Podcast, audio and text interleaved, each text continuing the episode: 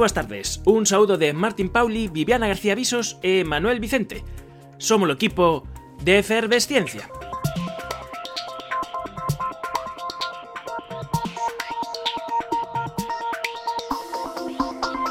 Es ciencia potencia est. A ciencia é poder. Esta frase atribúyese a Francis Bacon. Na realidade, o amigo Bacon nunca escribiu tal cousa, o de que a ciencia é poder, aínda que si sí, o seu secretario Hobbes. Pero para nós a ciencia sonche moitas outras cousas, imaginación, creatividade, inspiración, curiosidade e mesmo cooperación. Nesta edición efervescente, habemos de coñecer a algúns dos mellores divulgadores científicos que contamos na actualidade e que veñen de gañar os premios Prismas Casa das Ciencias á Divulgación Benvidos á efervesciencia. Hai outros mundos, pero están neste. Efervesciencia. Doses de ciencias en contraindicacións. Patrocinado pola FECIT, Fundación Española para a Ciencia e a Tecnoloxía, Ministerio de Economía e Competitividade, unha colaboración da Universidade de Santiago e a Radio Galega.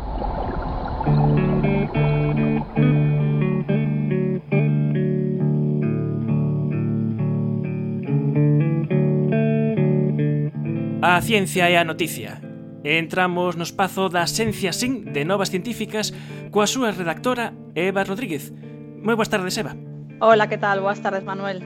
Hai sons tan agudos que os humanos non podemos escoitar, pero sí algúns animais, como por exemplo os cans. Sí, son os ultrasons que teñen moitas aplicacións industriais e que tamén están empezando a ser estudados para aplicacións médicas. Carlos Sierra é un coruñés que leva 4 anos como postdoc na Universidade de Columbia en Nova York no Laboratorio de Imaxe e Ultrasons. Sierra vende publicar no Journal of Cerebral Blood Flow and Metabolism un importante avance para a aplicación práctica dos ultrasons en medicina. Boas tardes, Carlos. Bos días para ti en Nova York. Que tal estás? Boas tardes, eh, Manuel. Boas tardes, Eva. Pois eh, Hola, moi ben. Que tal? Moi, moi contento de estar aquí e poder explicar na, bueno, pois na miña terra un pouco que consta o meu traballo.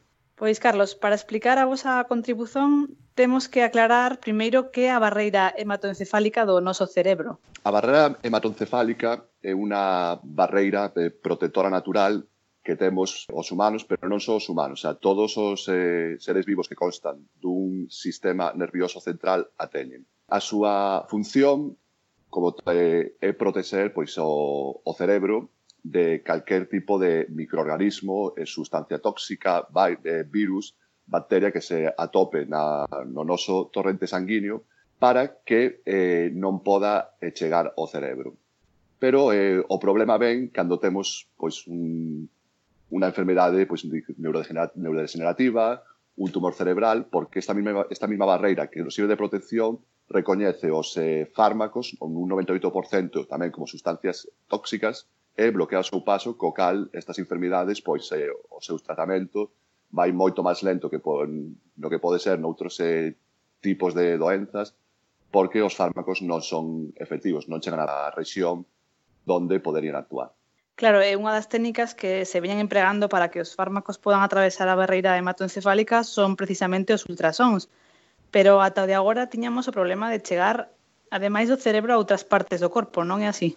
Sí, se está investigando moito como poder eh, sobrepasar esta, esta barreira. Os ultrasons, ao momento, pois demostrouse como a técnica máis efectiva por varias razóns. Unha, porque consigue abrir a barreira dunha maneira localizada, ou sea, é dicir, non abre toda a barreira, simplemente abre no punto onde estamos eh, focalizados os ultrasón.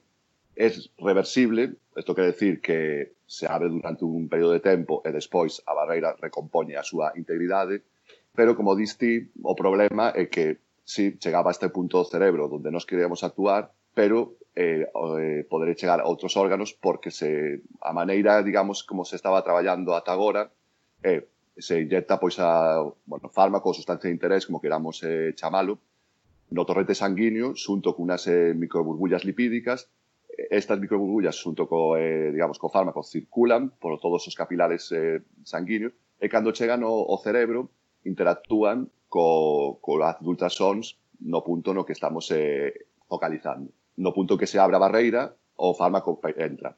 Pero o fármaco está circulando, como dicía, polo, polo torrente sanguíneo, co cal chega a outros órganos. E este método voso, mm, como fan estes ultrasons para superar a barreira de forma selectiva, sen afectar bueno, os outros no, órganos? O paso adiante que dimos nesta, nesta investigación pois foi, digamos, directamente pois, eh, pegar a sustancia de interese a microburbulla. O sea, bueno, quero deixar claro que ata o momento eh, as probas que hemos feito no, no laboratorio, o sea, que se publicou aquí neste traballo, non uh -huh. administramos ningún fármaco. Nos administramos unha molécula completamente inocua que ten a, eh, a característica que é fluorescente, co cal, despois, unha vez que se acabou o experimento, que hemos sacrificado o rato, é fácil no, a microscopio ver exactamente onde está a distribución desta molécula. Bueno, eh, retomando como a nosa técnica, pois o que fixemos foi pegar esta molécula ás microburbullas, co cal, mentras circulan polo torrente sanguíneo, a molécula está pegada á microburbulla, co cal non vai ir a outros eh, partes do corpo e só se vai a liberar cando na región do cerebro onde temos os ultrasonidos eh, focalizados, os ultrasón focalizados, eh, estas microburbullas o que van a facer é eh, empezar a oscilar. Cando uh -huh. o haz de ultrasons adquire unha determinada presión acústica, eh, esta oscilación convértese en inestable e finalmente as microburbullas rachan, explotan. Pero solo van a explotar, solo van a rachar no punto no que está focalizado o alto ultrasón. Por lo tanto, o explotar está eh, digamos, esta capa lipídica que tiña eh, a molécula eh, cautiva, que non a deixaba circular, pois, a desaparecer esta capa lipídica, esta molécula vai quedar en liberdade. Va, polo tanto, pero xusto a quedar en liberdade na parte no que se abre a barreira hematocefálica, vai entrar xusto nesa parte do cerebro. Eh, deste xeito conseguimos o obxectivo de pasar esa barreira selectivamente e non chegar a outros órganos e como dixetes fixestes eh, as vosas probas eh, nun modelo animal, neste caso eh, dos ratóns. Eh, como agora que, que vedes que a técnica efectiva, que vedes que a fluorescencia só está no cerebro, non está en outros órganos, que é o que queríades conseguir, eh, cales son os seguintes pasos para seguir experimentando esta implementación técnica? Eh, tedes que seguir eh, probando con outros animais? Antes nada, unha pequena puntualización. O sea, vimos a fluorescencia no cerebro, pero só no cerebro na rexión onde aplicamos os ultrasons. O resto do cerebro non hai fluorescencia. O sea, que é unha, exactamente unha porta que se abre. Sí, sí, é unha porta que se abre. O sea, ti vas na que tes, o sea, é moi fácil. Como se tivéssemos unha, pues eso, un castelo con unha muralla e queremos entrar. Pois pues que, que facemos? Hai dúas opcións. Bueno, poderíamos haber tirado toda a muralla ou o que fixemos neste caso, que foi abrir unha na porta os ultrasols. Eh, respecto a, a túa pregunta, eh, sí, a maneira, digamos, eh, habitual de, de traballo, pois, eh, primeiro probaron un modelo animal, neste caso foi en, foi en ratos, e, como mencionaba antes, cunha sustancia completamente inocua. Entón, eh, pasos seguintes, exactamente o que estou facendo eu no meu seguinte proxecto, é intentar xa traballar con unha sustancia que teña unha actividade terapéutica potencialmente clara estamos, estamos enfocados no tratamento do, do Parkinson, entón estamos intentando de facer, digamos, a entrega dunha sustancia, neste caso dunha, dun anticorpo, que pode ter eh, efectos eh, beneficiosos no tratamento do Parkinson. Se esta proba con, con ratos eh, tamén é satisfactoria, o que faríamos sería movernos a seguinte nivel na escala do modelo animal, que sería traballar con primates non humanos Eh, basicamente porque as similitudes no, nas estruturas cerebrais e na, na morfoloxía do cerebro dos eh, primates non humanos é moito máis eh, cercana ao que podemos ter nós.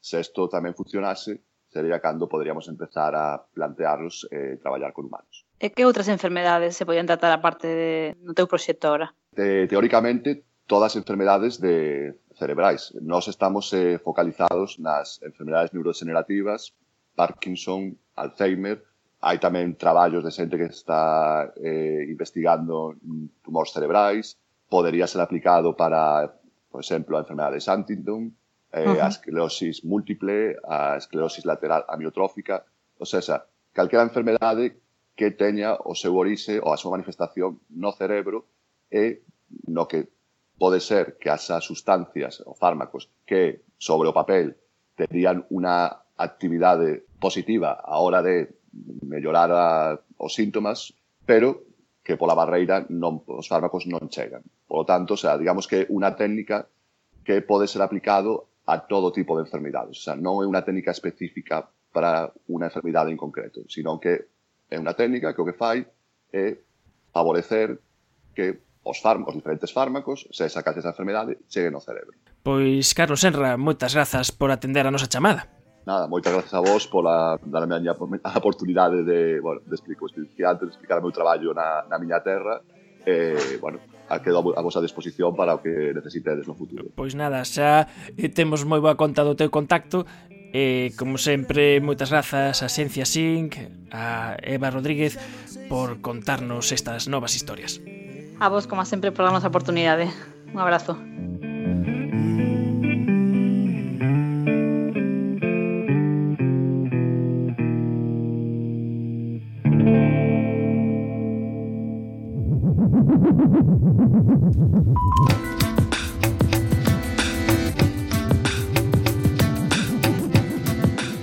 A mediados de novembro prodúcese un fenómeno ben curioso na Coruña que é unha concentración das mellores experiencias de divulgación científica que temos en España e fora de España. E isto é así porque é cando coincide a entrega dos premios Prismas, que acadan este ano a súa edición número 29. E seguindo unha tradición non escrita en efervesciencia, dedicamos un programa especial a capturar, a abducir a algúns dos premiados en cada edición dos primas, algún dos prismáticos, os abducimos, veñen os nosos micros e nos contan cousas do seu saber e do seu facer. E para facer esta abducción, neste caso que fixemos foi movernos nós, coller o laboratorio portátil de efervesciencia e vir a Domus, unha Domus ateigada de xente, xa que estes días a entrada de balde o tempo acompaña, acompaña para facer actividades de interior e así é que temos todos os museos cheos, como este da Domus. E de cando en cando, se estades atento, oiredes eh, eh, como uns... Eso, eh, Ángel Ureiro, eso que é? Eso, eso que escoitamos? Sonidos, escoitase o latido do corazón e o barullo da xente toda que está ateigando a, a Domus neste intre. Ángel Oureiro é o director dos Museos Científicos Coruñeses, que é a entidade que que leva xa 29 anos pois premiando a mellor divulgación que, que se fai eh, bueno, onde se faga, bueno, porque estes premios eh, concurre eh, xente de toda España, pero en moitos casos eh, xente de Hispanoamérica mm. tamén. Sí, temos moitas candidaturas de, de varios países. Este ano acadáronse os 200, máis de 250 traballos e o xurado tuvo unha, unha labor moi complicada en facer esa criba, esa selección. E, e bueno, espero que, queremos que, que a selección pois foi a idónea ou a máis idónea non dentro do, dos traballos que se presentaron. E nos museos científicos coruñeses non parades. Eh, estas palabras non son miñas, son palabras de Vladimir Desemir que di que, que os museos deste tipo son centros de animación de interpretación e participación científica quer dicir que están vivos. E, por exemplo, neste momento que estamos facendo esta captura eh, dos prismas, tedes un museo aberto, eh, por exemplo, está xente de Bricolabs facendo as súas cousas. Sí, hoxe os venres en concreto hai moitísima actividade na Sala Maker, está a xente de Bricolabs cos seus artefactos de robótica, de programación libre, facendo pois eh, temas moi diversos, non? Todo de tecnoloxía aberta deso se trata, nos eh, tratamos de facilitarlle os espazos pois a asociacións, ás agrupacións, que están coa ciencia, que están coa tecnoloxía, e egoístamente pois aproveitarnos dese dese traballo para que o disfrute toda a poboación da Coruña e que se achega a Coruña a visitarnos. E nas actividades de divulgación que facedes hai unhas que son clásicos, por exemplo, desta época, un clásico é o curso de iniciación a astronomía, Sí. Que ese sempre enchese está aberta, está aberta a convocatoria, de feito están a punto de desgotarse as prazas, ainda creo que queda algunha e, e bueno, pois eh, aí estamos, non? Eh, a xente non pode deixalo para o final porque senón vai a quedarse en praza actividades como esa e logo actividades novas. Tedes a virtude de coller as cosas que funcionan e seguindo a facer e ir incorporando nova oferta de, de actividades. E, por exemplo, outras actividades que ateigan e, e que hai colas para entrar, por exemplo, son os spoilers de ciencia con Borja Tosar e Javier Fonseca. Sí, que retomamos este mes. Eh, xa temos dúas sesións programadas, unha para finais deste mes e outra o mes que ven. Son sesións nas que lamentablemente non pode entrar todo o mundo, eh, pero claro, débese ao éxito que teñen, non? Están tendo moita moita potencia, esa mestura de cine, de ciencia, eh, explicando pois Eh, as distintas partes das películas destripándoas desde o punto de vista científica eh, o que o que se pode mostrar o que non se pode mostrar eh, bueno a xente esa mestura encántalle e así son os resultados que como ben dicías pois énchense a tope vamos está, están a tope e destas actividades que se incorporan ao voso catálogo eh, tamén está o mes escéptico. O mes escéptico comeza nunha semana e, eh, bueno, o programa creo que é bastante interesante. Este ano organizámoslo xunto co Círculo Escéptico que, bueno, pois vai a facer un evento especial o último día, vai a entregar un premio que otorgan pois a, o sea, nesa categoría, non, do, do, do Círculo Escéptico e cremos que, que bueno, pois que é unha, unha programación que temos que potenciar debido ao éxito pois, que tuvo na anterior convocatoria e a demanda que nos está provocando tanto en chamadas como en solicitudes de información. Pois ao longo deste efervesciencia, o noso anfitrión Ángel Loureiro vai estar aquí connosco compartindo estas mesas e é o momento de presentar a nosa primeira mesa de convidados prismáticos abducidos eh, por efervesciencia.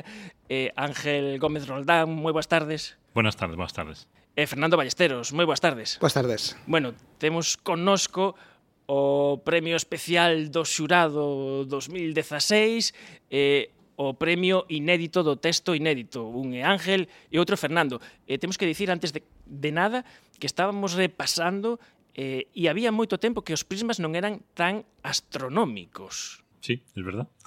Es verdad, de, nos ha comentado algún compañero que era desde el año 2003, fue la última ocasión en que los premios Prisma se tuvieron algún componente relacionado con la astronomía.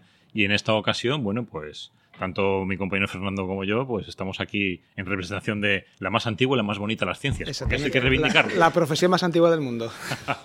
bueno, eso, mirar, Saos Babilonios tiñan isto de sair para fora, eh, eh, mirar mirar para as estrelas.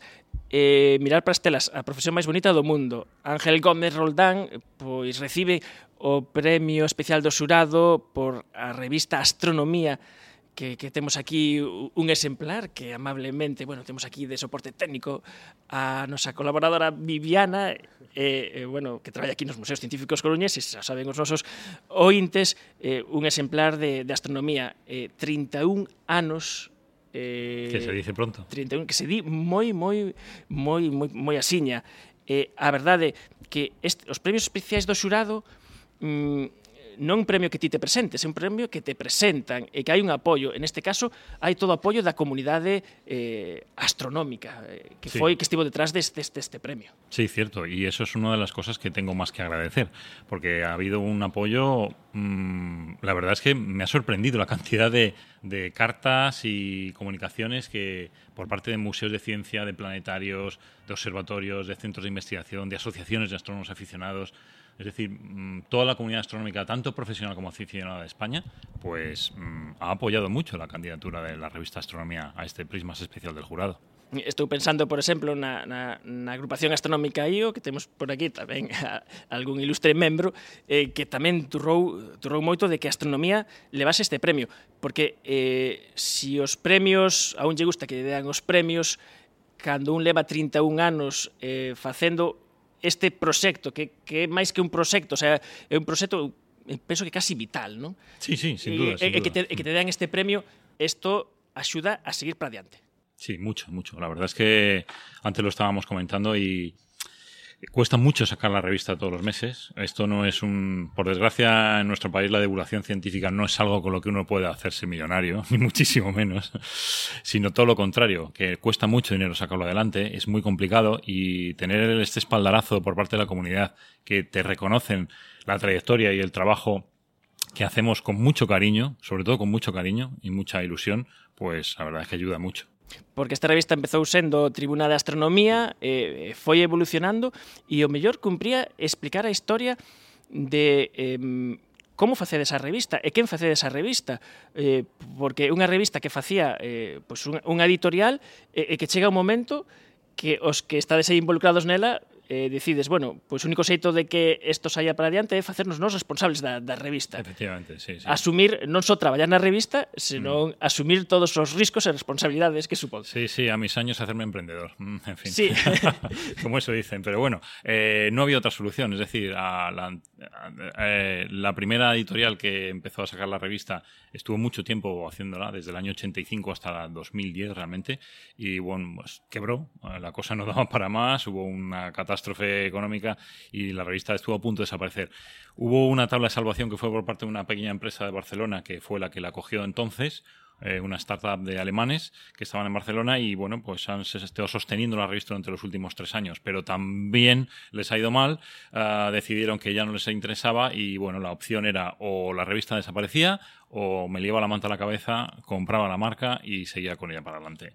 Y bueno, pues eso, había que hacer lo que había que hacer. Y bueno, desde el, el mes de marzo de este año ya estamos funcionando una pequeña empresita, mi compañera Gema y yo, estamos eh, funcionando, sacando la revista adelante y bueno, pues luchando mes a mes para intentar que esto siga y que continúe la trayectoria de todos estos años.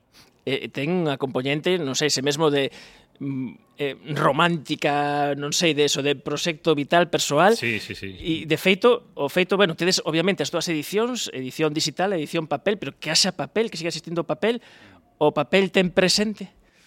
Sí, yo creo que sí, yo creo que sí, porque a pesar de que hoy en día pues todo tiende a hacerse digital, yo creo que las revistas en papel todavía tienen su presencia. Igual que quiero pensar que a lo mejor que vamos a tener un futuro similar al de, al de los discos, a los vinilos, ¿no? En el sentido de que, bueno, pues hay un grupo de gente entusiasta de un determinado formato que van a seguir apostando por él. Y nosotros, además, como no tenemos una tirada tan chiquitita y tan pequeña, pues este núcleo de personas que siempre son muy fieles a tenerlo en formato papel van a seguir conservándolo. A fidelidade de ir eh, ao quiosco de ir a buscar o, o astronomía. Este Astronomía, o premio especial do Surado. Falábamos antes que está conosco Fernando Ballesteros, que o premio o mellor libro inédito que un libro eh, escrito a seis manos. Hai que dicir que Fernando Ballesteros é xefe de instrumentación do Observatorio Astronómico da Universidade de Valencia. Bueno, he de decir que yo en parte soy astrónomo precisamente por, la antigua Tribuna de Astronomía. La Tribuna de Astronomía, a, a la actual astronomía, eh, ya merecía el premio desde hacía mucho tiempo decía un buen reconocimiento porque ha formado a muchos astrónomos, eh, no solamente aficionados, sino también profesionales, han visto su vocación gracias a, a esta revista.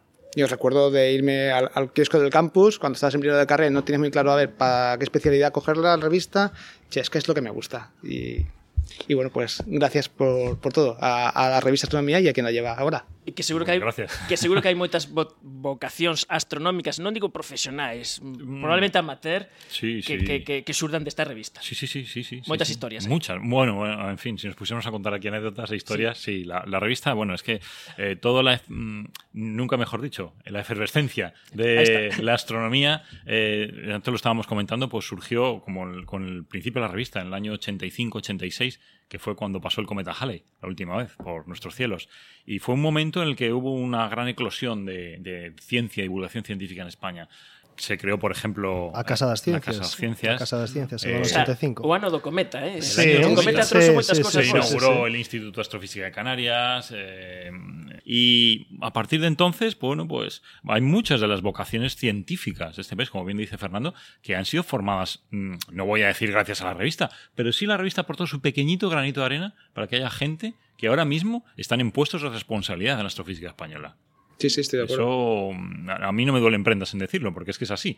Y la verdad es que como no tenemos ninguna competencia, estamos más solos que la una, pues bueno, Bueno, claro. eh, Eh, no tiene tanto mérito. ¿no? Pero Eh, bueno. É o que pasa este, nestes mundos a veces da, da, da divulgación que mm, son proxectos eh, vitais eh, proxectos persoais de apaixonados e con eso si sí que, consigue... no te, que non te reconocen. Eh, que, que, no reconocen. Que haces, sobre todo desde el mundo de vista profesional, el, el investigador que hace divulgación lo hace porque quiere y a costa de, de otras cosas. Un, es, a mayores de. A mayores, sí, sí, sí. Porque... Es un gran problema que tenemos, sí.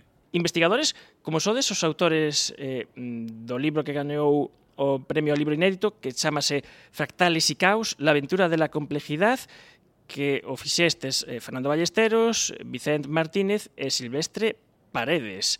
E ademais di o xurado que se destaca a originalidade e o tratamento dos temas, a súa aplicación aos distintos aspectos da complexidade da natureza e o rigor do seu contido. Eh, había cosas novas que dicir no tema dos fractais. Es que, como ellos mismos son infinitos, sí. siempre hay cosas nuevas que decir. De todas formas, el...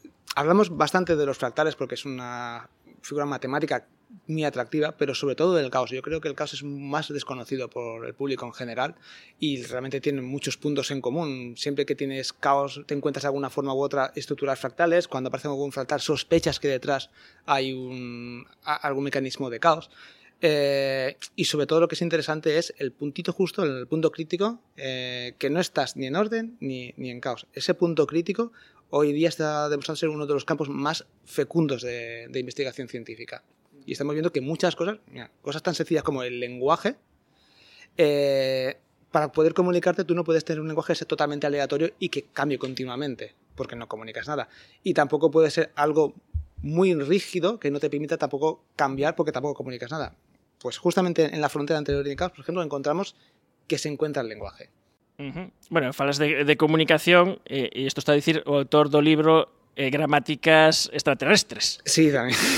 que eso tamén tamén é outro tema de, de, de eh, libro premiado de divulgación eh, a nivel europeo eh, que, mm, bueno, este libro nos lo recomendou eh, outro colaborador do programa, Borja Tosar, que eh, é eh, fanático de, de, de todas estas cousas, eh, no que falas de como teríamos que facer se nos quisésemos comunicar pois con, con outra civilización. Sí, sí, que ahí también pecamos mucho de, como decía Sagan, de chauvinismo. Eh, creemos que cualquier sistema de comunicación se ha de parecer al nuestro, se hacen cosas muy basadas en lenguajes simbólicos, porque nuestro lenguaje es simbólico, muy basada en imágenes, y nosotros somos unos animales muy visuales, pero eso no es en absoluto algo general.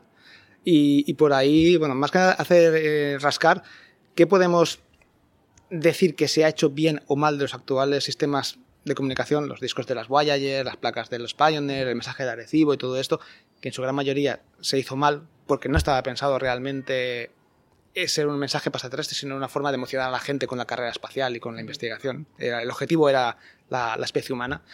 Y, hay muy poquitas cosas que se han hecho bien. Al final del libro eh, destaco un lenguaje que hizo un matemático precisamente, eh, Hans Freudenthal, en los años 60, que se llama LINCOS, acrónimo de lengua cósmica, que digamos es el que menos cosas da por sentado y por ahí van a ir los tiros seguramente si en algún momento encontramos una señal extraterrestre. Os nexos entre mm, astronomía e ciencia ficción, bueno, son unha vía de enganche fantástica, vos en astronomía tamén os plotades. Claro, de hecho una de las secciones más veteranas de la revista es una que firma Miquel Barceló, uno de los referentes en la ciencia ficción en España. Este un profesor jubilado de la Universidad de Barcelona, pues todos los meses nos hace una sección que se llama Paradojas, en el que comenta, bueno, pues un poco la ciencia de la ciencia ficción y viceversa. Y la verdad es que tiene mucho éxito, es muy interesante. Estuvimos hace unos años planteándonos si dejarlo porque Miquel ya estaba cansado y tal. Y bueno, hubo por un, prácticamente una pequeña revolución entre los lectores diciendo, no, no queremos que desaparezca Paradojas. Es una de las secciones que más nos gusta siempre al final de la revista, ¿no? Así que sí, sí, es un punto que, en que tiene en común y que muchas veces es de mucho interés, claro que sí. Eh, me preguntaba eu, eh, Fernando, se hai moitas mulleres na Lúa. Eh, pues 28, ni más ni menos. Esa es una pregunta trampa. É unha pregunta trampa totalmente. la, la sei conta mentalmente, así de momentito. Así eh? foi, xa tiña dixeches, mm, traca. Porque, bueno... Eh, Aquí gente moi ben informada. bueno, es que temos as nosas, temos as nosas fontes e eh, todo, ya, ya, eh, todo hai que recoñecerlo. Eh. Está aí está aí o oh, Martin Pauli que eh, nos temas de astronomía é eh, eh, que nos asesora e eh, por eso sabemos estas cousas. Eh, aí hai un libro que xa está tamén aí para sair. Sí, sí, de hecho esta semana entró en imprenta y también estaría empezando a salir los primeros ejemplares, así que yo creo que pues una semana o dos, no sé cuánto cuesta el tema de distribución, pero ya debe estar, de hecho ya está a la venta en Amazon para quien quiera hacer la, la pre-reserva. ¿Ya está en sí? Ah, Sí, sí. No sabía, vale.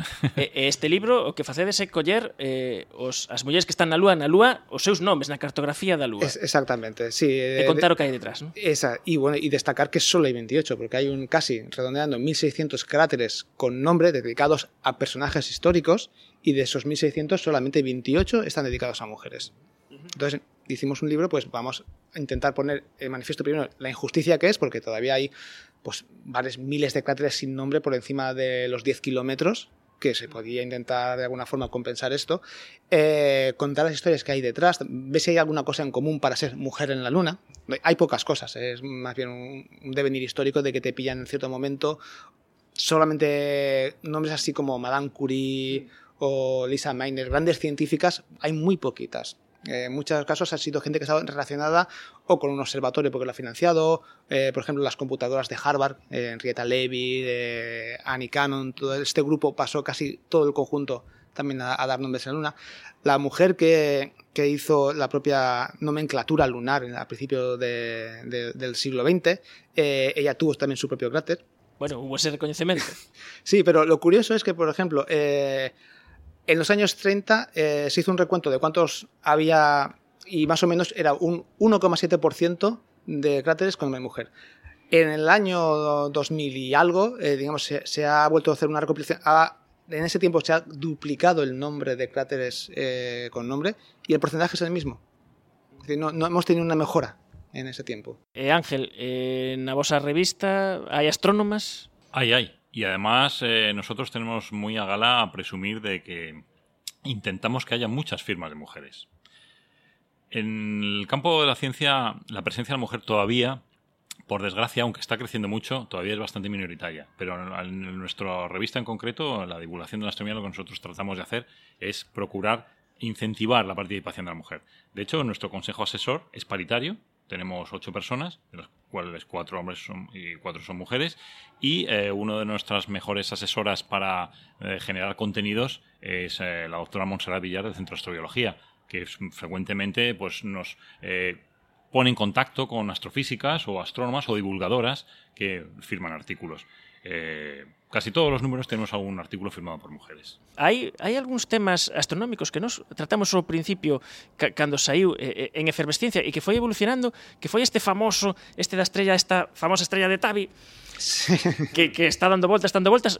Coido que incluso que, que Fernando, non sei se si fixeches tú algún artigo, ou algún paper relacionado co... Eh, eh tenemos un draft que aún non hemos mandado. Hmm. Tenemos una, una teoría para explicar. Es que me chegaron secos, es que me chegaron secos, porque claro, vas entrevistando a xente eh, do, do mundo astronómico e me di, bueno, pois pues aquí hai... Eh, lembramos que esta é eh, un, unha estrela descubierta por, por Kepler, que eh, investigando eh, a súa luz, o seu patrón de luz, ese patrón de luz mm, o, en principio non se parece a nada que é raro de narices, é raro. técnico, científico. sí. De feito, ao principio, claro, saban os titulares de civilizacións alienígenas, que eso tira moito, así no primeiro titular, pero bueno, eh, cousas serias eh, de, de explicar que, que pasa aí, vostedes a vosa hipótese. Sí, eh, bien, hai dos hipótesis que tamén son chulas, que digamos, a mí, a mí tamén me gusta la...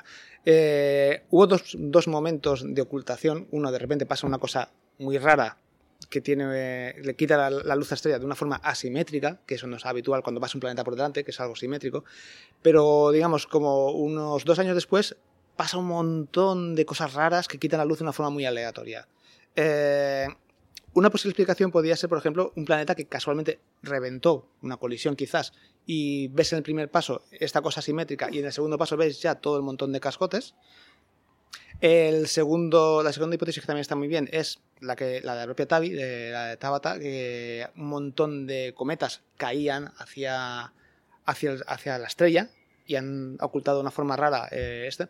Las dos tienen el problema de que también ha de ser mucha casualidad que te piden en ese momento. Es decir, el, el factor de estadístico está en contra tuya. Lo lógico es que no esperes eso. Entonces, a pesar de que son muy interesantes y quizás sea alguna de las respuestas correctas, eh, la forma de decir no dependo de la casualidad, sino que es algo que pasa cíclicamente, es la teoría que tenemos nosotros, que es que es un planeta gigante con un anillo espectacular, se han encontrado ya planetas con anillos tan grandes, que sería el primer paso, y luego la familia de troyanos asociada a, a este planeta. Y que son estos los que interceptan a luz. Exactamente, es el segundo paso caótico que es tan raro. Y esperamos, si es así, que bueno, los, los troyanos agrupan en dos grupos, uno por delante del planeta y otro por detrás, habríamos visto el, que pasa por detrás y dentro de, hablo de memoria, unos ocho años debería pasar el primer grupo por delante. Si nuestra teoría es correcta, deberíamos volver a ver otro fenómeno de estos. De, bueno, esta parte interesante, o sea, porque esa teoría eh, te esa forma de saber de, de si eso se cumple ou se non, que é unha cosa que ten moito esta ciencia. A astronomía, non? Esa capacidade de, de, de predicción. Pois rematamos aquí esta primeira parte, esta primeira mesa que temos en na Domus, nos Museos Científicos Coruñeses, imos pedir a Ángel Oureiro que siga connosco eh, eh, na seguinte mesa eh, damoslle as grazas e as, as nosas maiores felicidades eh, a Ángel Gómez Roldán, director de Astronomía, que podemos aproveitar tamén para facer un chamamento para que en todas isto tamén é eh, Martín Pauli insiste moito en eso e eu fago aí portavoz no de que todas as bibliotecas públicas deberían de estar suscritas a astronomía, por suposto. Deberían, deberían. Deberían, se son un servicio público eh, facemos este chamamento aquí, eu eh, coido que si vale se agradece, a pena. Se agradece, se agradece. E a Fernando Ballesteros eh, tamén eh, darles grazas, xefe de instrumentación do Observatorio Astronómico da Universidade de Valencia, e agardamos poder ver xa editado ese libro sobre os fractais e o caos. Moitas grazas aos dous. Moitas gracias. Moitas gracias.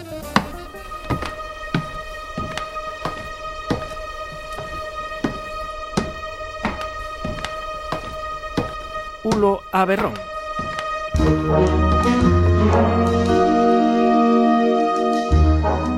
Imos solucionar o pequeno misterio que deixamos a pasada semana na sección Un autor, un libro e un lugar.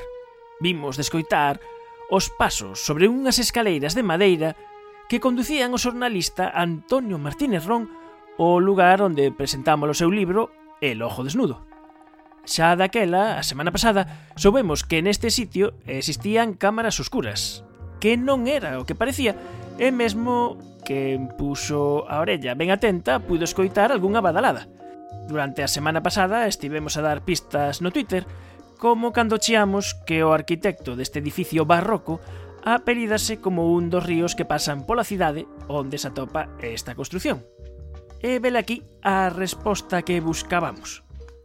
Eh, hola, me chamo Juan, eh, son traballador deste este edificio tan emblemático que efectivamente é a Casa do Cabildo. Eh, é un edificio tan emblemático polo, pola fachada que ten, que é unha fachada telón, que é simplemente para donar o que é a plaza de platerías. Efectivamente, Antonio Martínez Ron estaba na Casa do Cabildo do arquitecto Clemente Fernández Sarela, lugar onde se pode contemplar a exposición temporal Compostela a terceira dimensión, onde se amosan fotografías en 3D de lugares enlleiros da capital de Galicia realizadas magistralmente polo estereoscopista Enrique Criado. Fotos que precisan de gafas de cores para seren vistas. As cámaras e caixas oscuras da Casa do Cabildo realizáronse na restauración de 2011 realizada polo Consorcio de Santiago e recibimos nove respostas correctas ao reto de Ulo Aberrón. E para sortear o libro, contamos coas dúas nosas axudantes habituais. Hola, boas tardes. Hola. Hola. Pois axudante número un, colle por favor un numeriño deses papel, nove papeliños e lee, por favor, o número que tes. O un. O número un.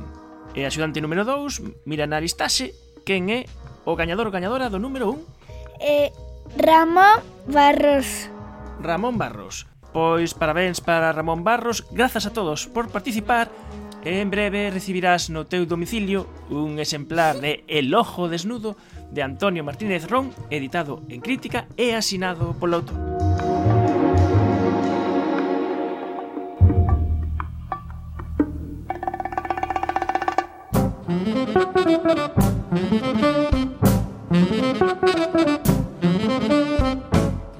Retomamos a nosa mesa de prismáticos, de gañadores dos premios Prismas. Renovamos a mesa e atención que imos ter un cruce nas ondas. E os vosos receptores funcionan ben. Hace una década se halló un extraño artilugio en el sótano de la mansión de Faustino Morel, coleccionista de arte, filántropo, escritor de vodevil y onanista declarado, que vivió a comienzos del siglo XIX. Se desconoce la fecha de construcción de dicho aparato, su fabricante, motivo e incluso función. El radioscopio. Hay mucha más ciencia de la que crees.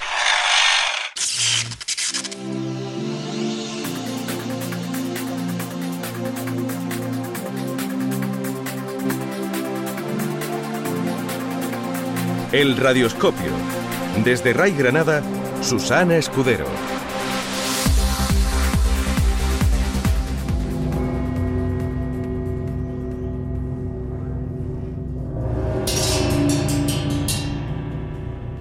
Dios, todas mis tarjetas de identificación han desaparecido. No puedo vivir ahí fuera ni dos horas sin mi documentación. No importa. Soy Jason Taverner. Tengo una audiencia de 30 millones de personas cada noche. Entre esos 30 millones de personas, ¿no habrá una que me recuerde? Cruce de ondas, cruce de micros entre Efervesciencia e o Radioscopio, o flamante Premio Prismas 2016 de radio. E isto é obra de Susana Escudero. Moi boas tardes, Susana. Hola, buenas tardes. Xornalista de Canal Sur Radio e de Emilio García. Moi boas tardes. Hola, que tal, como estáis? Emilio García, que leva a Unidade de Cultura Científica do Instituto Astrofísico de Andalucía. Eh, esta é a parte in, perpetradora intelectual de, do radioscopio pero o radioscopio non tería sentido sen a parte técnica, a parte sonora, visto que vimos de escoitar, moi importante. Eh, José Miguel Álvarez, moi boas tardes. Hola, buenas tardes. Que o radioscopio? Que é un radioscopio, Emilio? Un radioscopio es un extraño aparato que se descubrió en la mansión de Faustino Morel, una fashion, un personaje muy conocido en Sevilla, y que básicamente tiene capacidades extraordinarias para hacer lo que le dé la gana, desde teletransportarse, miniaturizarse, mm, viajar en el tiempo o incluso pensar de manera inteligente, que es lo que más le cuesta. O programa gañador é sobre implantación de memorias falsas. O radioscopio aí facedes un xogo moi chulo de que o radioscopio se insire en diálogos brillantes de novelas e de pelis basadas en Phil K. Dick, todo un clásico, eh, metedes falsas memorias, metedes o radioscopio aí polo medio. No, pero eso no es cosa nuestra, es del radioscopio. Como te ha dicho Emilio, es un aparato que generalmente... Emilio dice que él es el encargado de manejar el radioscopio, pero generalmente el radioscopio es quien le maneja a él. Entonces podríamos cosa decir... que es muy fácil, por otro lado. o sea, que te podríamos decir que somos nosotros de forma inteligente los que decidimos cada programa cómo va a ser, pero generalmente es el radioscopio quien lo decide. Y en este, como tú dices, pues nos manipuló la memoria de los libros que habíamos leído de Philip K. Dick. E ademais, eh, o, o, o fallo do xurado di eh, o programa eh, o radioscopio, eh, se destaca o atractivo do formato, o contido rigoroso e multidisciplinar e o ritmo do programa. Ritmo ten moito ritmo. Por exemplo, neste programa eh, eh, gañador misturades as novelas de Phil K. Dick, as coñecidas e as non tan coñecidas, que eso tamén é importante, ademais vida, aló de, de, de Blade Runner, está aí, aí unha mirada á escuridade, e, e, e moitas máis, eh, con eh, neurocientíficos, eh, serades preguntas inquietantes. Sí, había de, sobre todo había una parte increíble de cómo manipular la memoria utilizando la luz, que era una entrevista con Morgado, que realmente llevaba ya a la realidad pues novelas de ciencia ficción de Félix Cadí o películas incluso como Olvídate de mí que también salían en, en el programa, ¿no? No, la verdad que ese programa eh, era una de las obsesiones que tenemos. El radioscopio tiene muchas obsesiones, por ejemplo, la astronomía sale mucho en el programa, como es lógico por Emilio, pero yo creo que desde que empezó el radioscopio hay un par de obsesiones y una de ellas es la de la manipulación de la memoria. De hecho, fue el segundo programa que hicimos en la primera temporada donde ya tocamos este tema y cada vez que tenemos oportunidad de meternos en el mundo de la neurociencia y en todo ese ámbito de la manipulación de recuerdos, que cada vez más ya no es ciencia ficción, es una realidad con técnicas como la autogenética y demás, cada vez que tenemos oportunidad tocamos ese tema. Y la verdad que eh, se presta mucho a hablar de ciencia, 100% ciencia, pero también para hablar de ensoñaciones, de miedos, de otro tipo de cosas ¿no? que, que están a lo mejor en el otro lado del límite, yo creo. Os límites da ciencia, a, ciencia ficción, e, e a min o que me encanta e o teatro na radio, a Mm. drama, as dramatizacións, e, e logo aí, ao final, eh, a vosa cadra de actores. Sí, lo nuestro es una cuadra de actores, no un cuadro de de actores. De hecho, queríamos poner un relincho y todo cuando dijéramos Sí. eso, pero mm, al final no, no solamente... nos dejaron, no nos dejaron hacerlo, sí.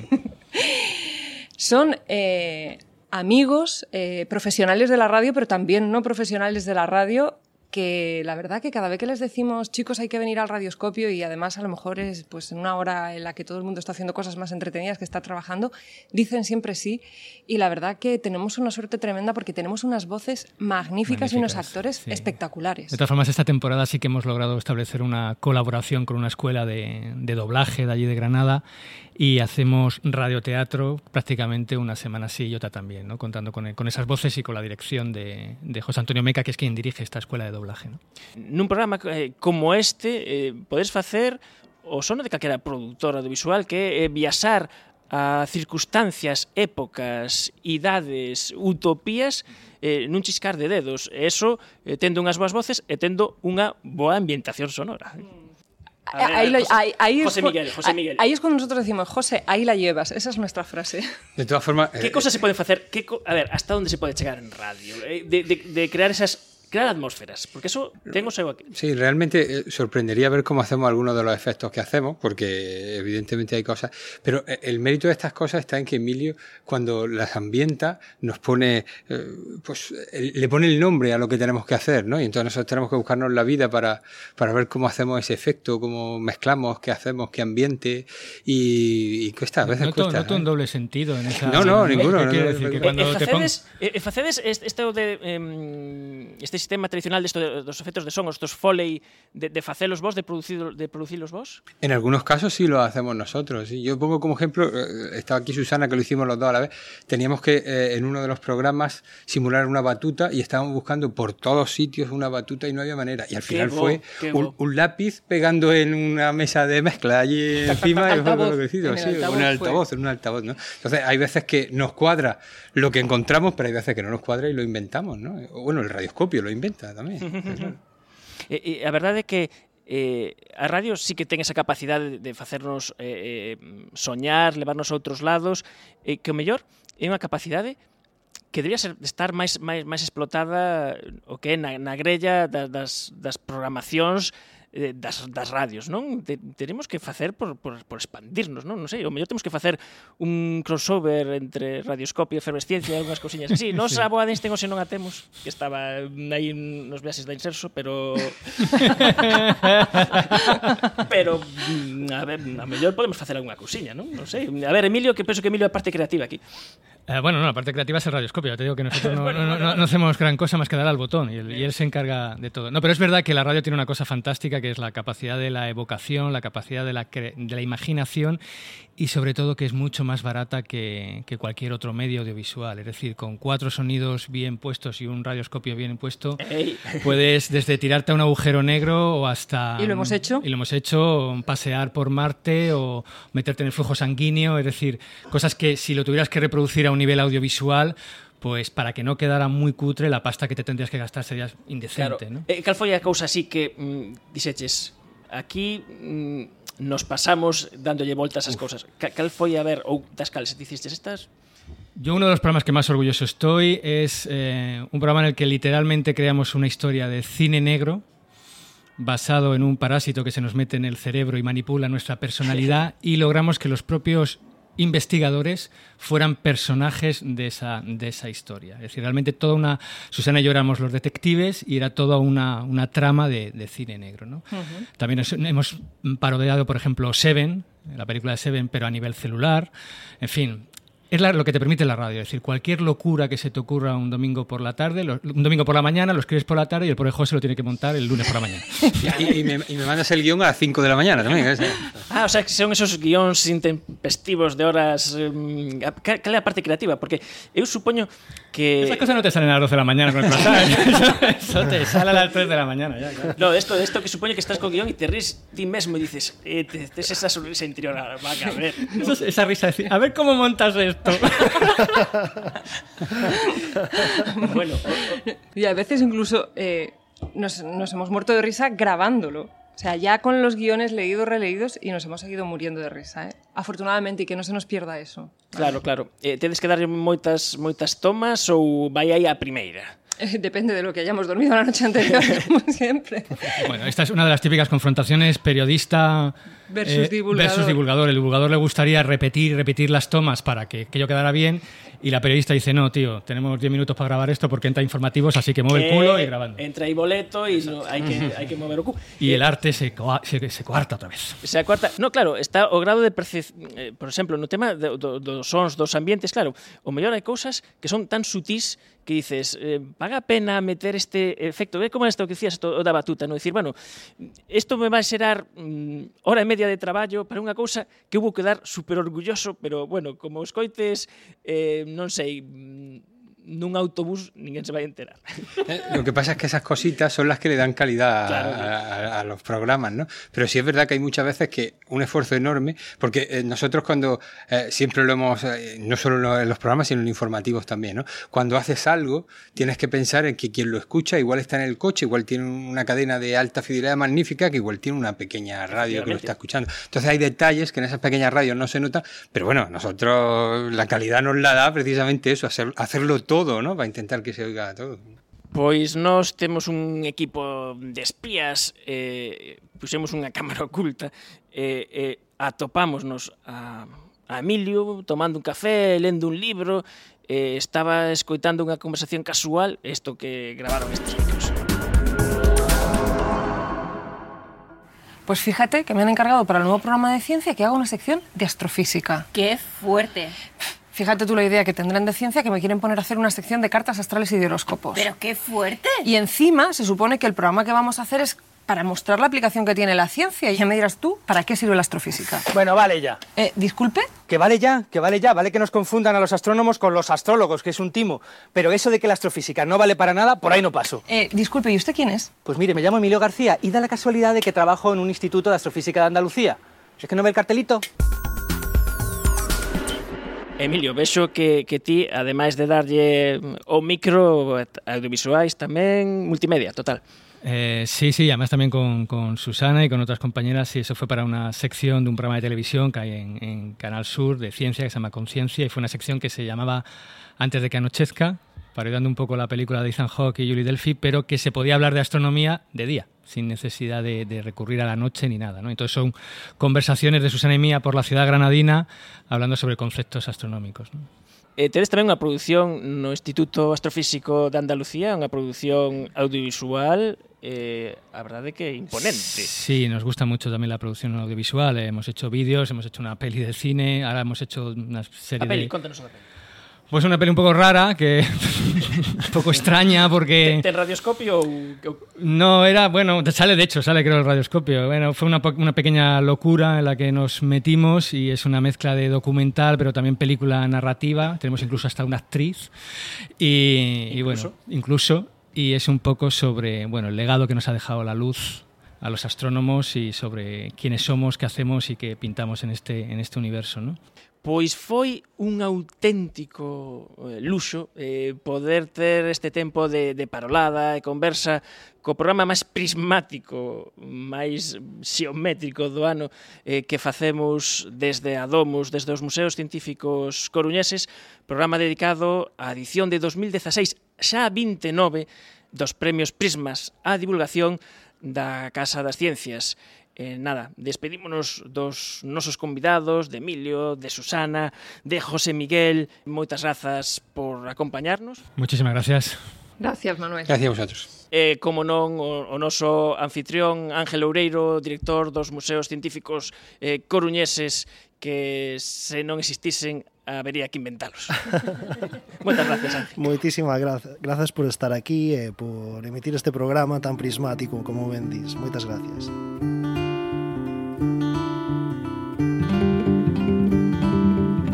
Efervesciencia. Patrocinado pola FECIT, Fundación Española para a Ciencia e a Tecnoloxía, Ministerio de Economía e Competitividade, unha colaboración da Universidade de Santiago e a Radio Galega. E ata aquí chegamos. Lembrade, como sempre, que tedes todos os nosos podcast en efervesciencia.org, en ebooks e en Geciencia. Ata a vindeira semana. Adeus. Ouvin decir que non ías andar máis por aquí Que querías voltar, voltar, voltar. Pois non, meu irmão Foi simplemente un momento de abatimento Pero xa tomei folgo. Teño toda a forza para loitar Teño cada noite para soñar E cada minuto para lembrar quen eu sou. Para lembrar de onde eu sou. Esta noite vou voltar ao lugar onde, sendo criança, brinquei. Esta noite vou voltar ao lugar Onde, sendo um rapaz, eu sonhei Na branha grande, na praia das gaivotas No pátio da escola, nas vias da estação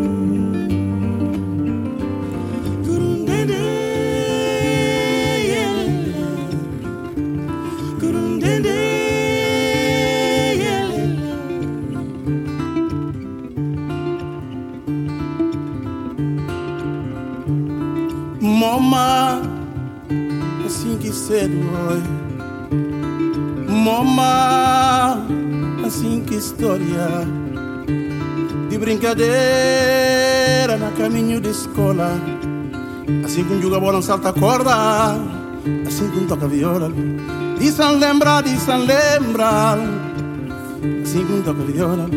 Dizem lembrar, dizem lembrar. Oh. Aí coisa bonito. Oh. Assim que um toca viola. Minha meninesa. Assim que coisa bonito. Pois é, meu irmão, foi simplesmente um momento de abatimento, pero já tomei folgo. Tenho toda a força para lutar, tenho cada noite para sonhar, cada minuto para lembrar quem eu sou para lembrar de onde eu sou.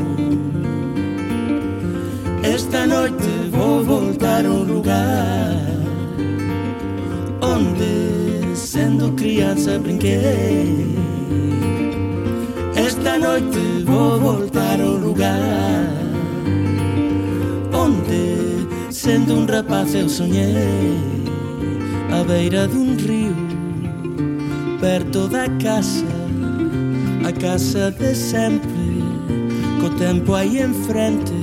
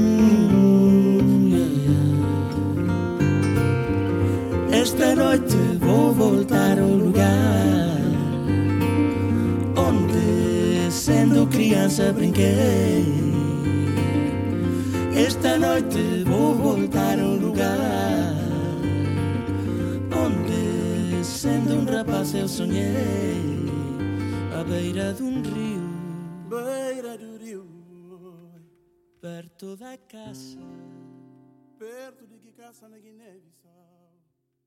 A casa de sempre.